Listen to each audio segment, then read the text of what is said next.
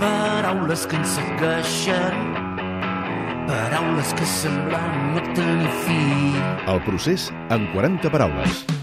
Paraules que m'afugen, paraules que corren ansioses. Dret a decidir. D'entrada, un apunt lingüístic, perquè al principi de tot hi va haver ball de preposició. Dret a decidir o dret de decidir. Ha triomfat a, i tenim el Pacte Nacional pel Dret a Decidir. Però, per exemple, encara avui hi ha una entitat que es diu Plataforma pel Dret de Decidir. En qualsevol cas, és una altra expressió tòtem del procés, com a estat propi o com procés mateix.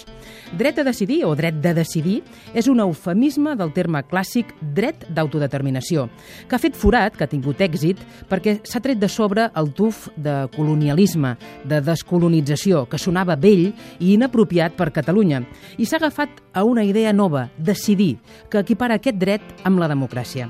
Pels independentistes, la mare dels ous és traslladar la idea que reclamen democràcia. Fan servir dret a decidir com el dret genèric a expressar la voluntat popular directa sobre temes que concerneixen tot el poble i que són d'especial importància. És una expressió que va irrompre en l'imaginari sobiranista l'any 2005, quan precisament es va crear la Plataforma pel Dret de Decidir, constituïda en paral·lel a la redacció del nou Estatut d'Autonomia. L'expressió ha anat creixent, creixent, fins a, podríem dir, fer-se institucional el 2013 amb la creació del Pacte Nacional pel Dret a Decidir. La bondat d'aquest pacte és que identifica un comú denominador, que gent que pensa coses ben diferents, que fins i tot té solucions finals i que probablement votaria coses diferents en una consulta, tenen en comú doncs, que creuen que s'ha de consultar el poble de Catalunya i que les diferències s'han de resoldre votant.